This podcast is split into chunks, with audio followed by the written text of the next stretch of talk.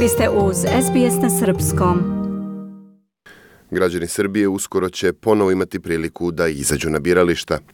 Predsednik države Aleksandar Vučić najavio je nedavno da će raspisati parlamentarne izbore odmah po povratku iz Vašingtona gde prisustuje skupu Američko-Izraelskog komiteta za javne poslove.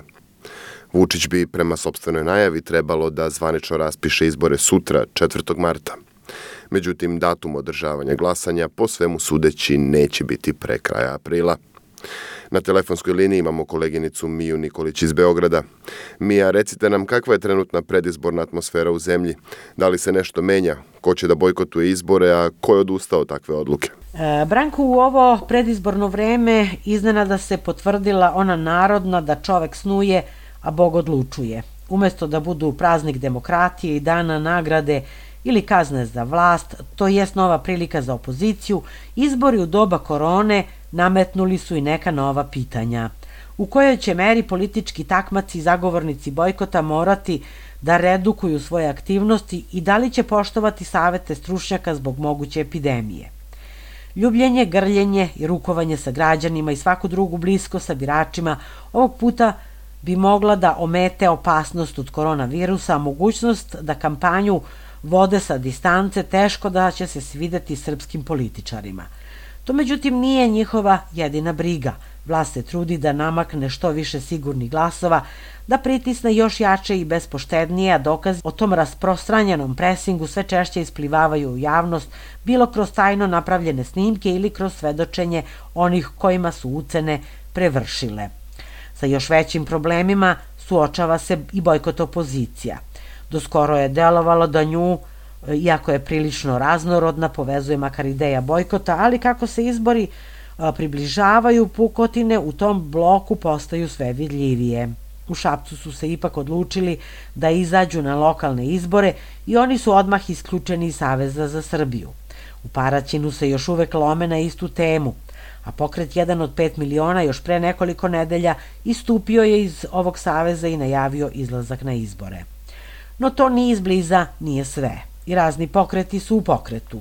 Grupacije i pojedinci koji su tokom cele prošle godine koketirali s bojkotom ubrzano počinju da menjaju stav i odlučuju da izađu na izbore.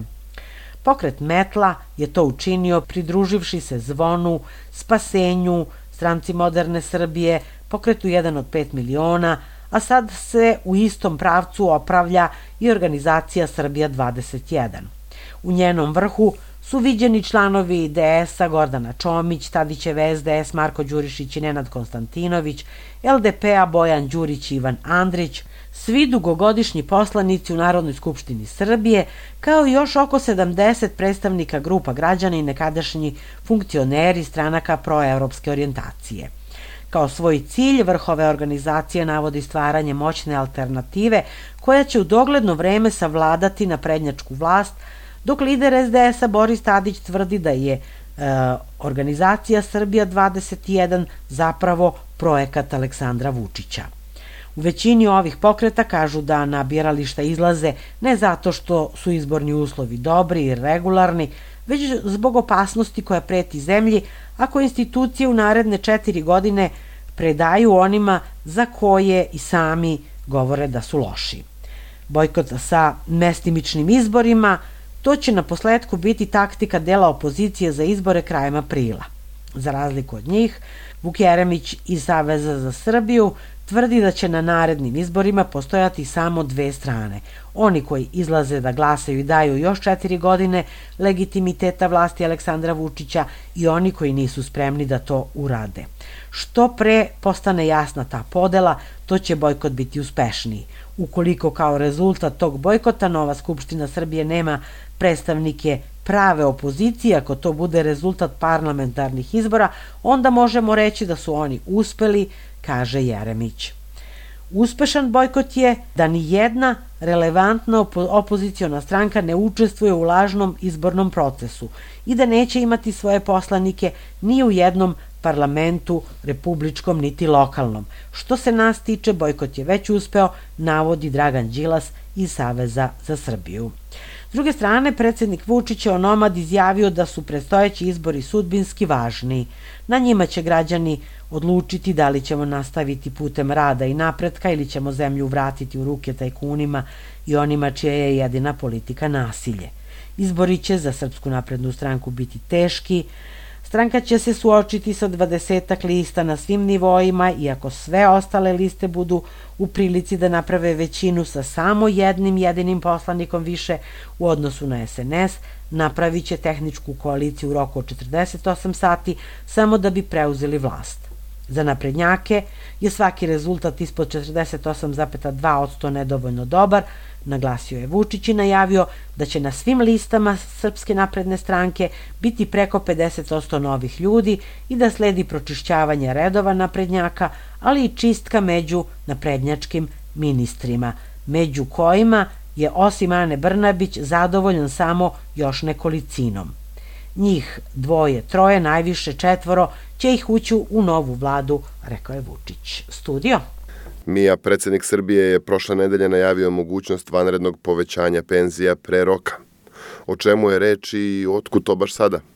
Tek što su im početkom februara legle penzije uvećane za 5,4%, penzionerima u Srbiji je stiglo novo obećanje, koverte će im biti još deblje, najverovatnije već početkom naredne godine.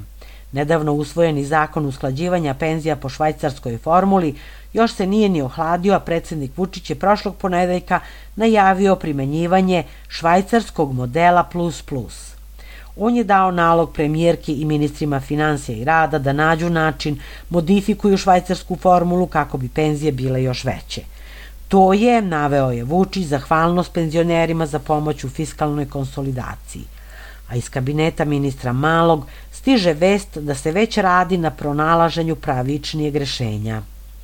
Profesor Ismail Musabegović kaže da je korigovanje švajcarske formule koja je prošle godine promovisana kao najpravednija moguće samo ako se ne naruše makroekonomski indikatori koji moraju biti glavna vodilja. To znači da fond za penzije ne sme biti veći od 10% BDP-a, Iako bi, na primer, penzije bile 30% bruto domaćeg proizvoda, budžet bi morao da se dopuni sa strane, to jest da se država zadužuje, što je neprihvatljivo, naveo je on. No ako BDP, kao što se očekuje, premaši 4,2% njegovo povećanje na 10% u nominalnom iznosu, može biti predmet raspodele penzionerima. Međutim, pre bilo kakve odluke trebalo bi uraditi ozbiljne kalkulacije – modele i šta ako varijante naveo je on.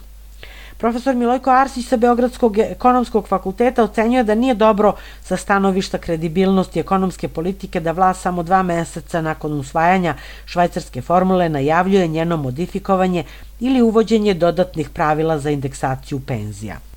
Uređene zemlje primenjuju jedno pravilo decenijama, a svakoj promeni prethodi dugotrajna rasprava u kojoj učestvuju stručnjaci za finansijska pitanja i penzijski sistem, predstavnici penzionera, sindikati, poslodavci i drugi. Za razliku od uređenih zemalja, u Srbiji je pravilo za usklađivanje penzija tokom 15 godina menjano nekoliko puta. U nekim periodima nisu poštovana ni tada važeća pravila. Švajcarska formula je jedno od najčešće primenjivanih pravila, a njena promena samo par meseci nakon usvajanja ne bi trebalo da bude dnevno političko pitanje o kome se donose brzoplete odluke nego rezultat temeljne i dugotrajne rasprave, naveo je Arsić. U udruženju sindikata penzionera kažu da je problem što se više ne zna šta je pravo, a u pitanju su živi ljudi koji rade, e, zarađuju, pune PIO fond i oni moraju da imaju nekakvu izvesnost. Ako ide na bolje, mora transparentno da se izađe s tim i da se kaže kako to misle. Ovako plus plus, šta vam to znači, navodi Mihajlo Radović iz pomenutog sindikata. Novinarka Ivana Pavlović iz Nove ekonomije celu priču vidi kao predizborno obećanje, a Milojko Arsić smatra da je za očuvanje fiskalne stabilnosti i rast privrede važniji i korisniji sporiji rast penzija. Želite da čujete još priča poput ove? Slušajte nas na Apple Podcast, Google Podcast, Spotify ili odakle god slušate podcast.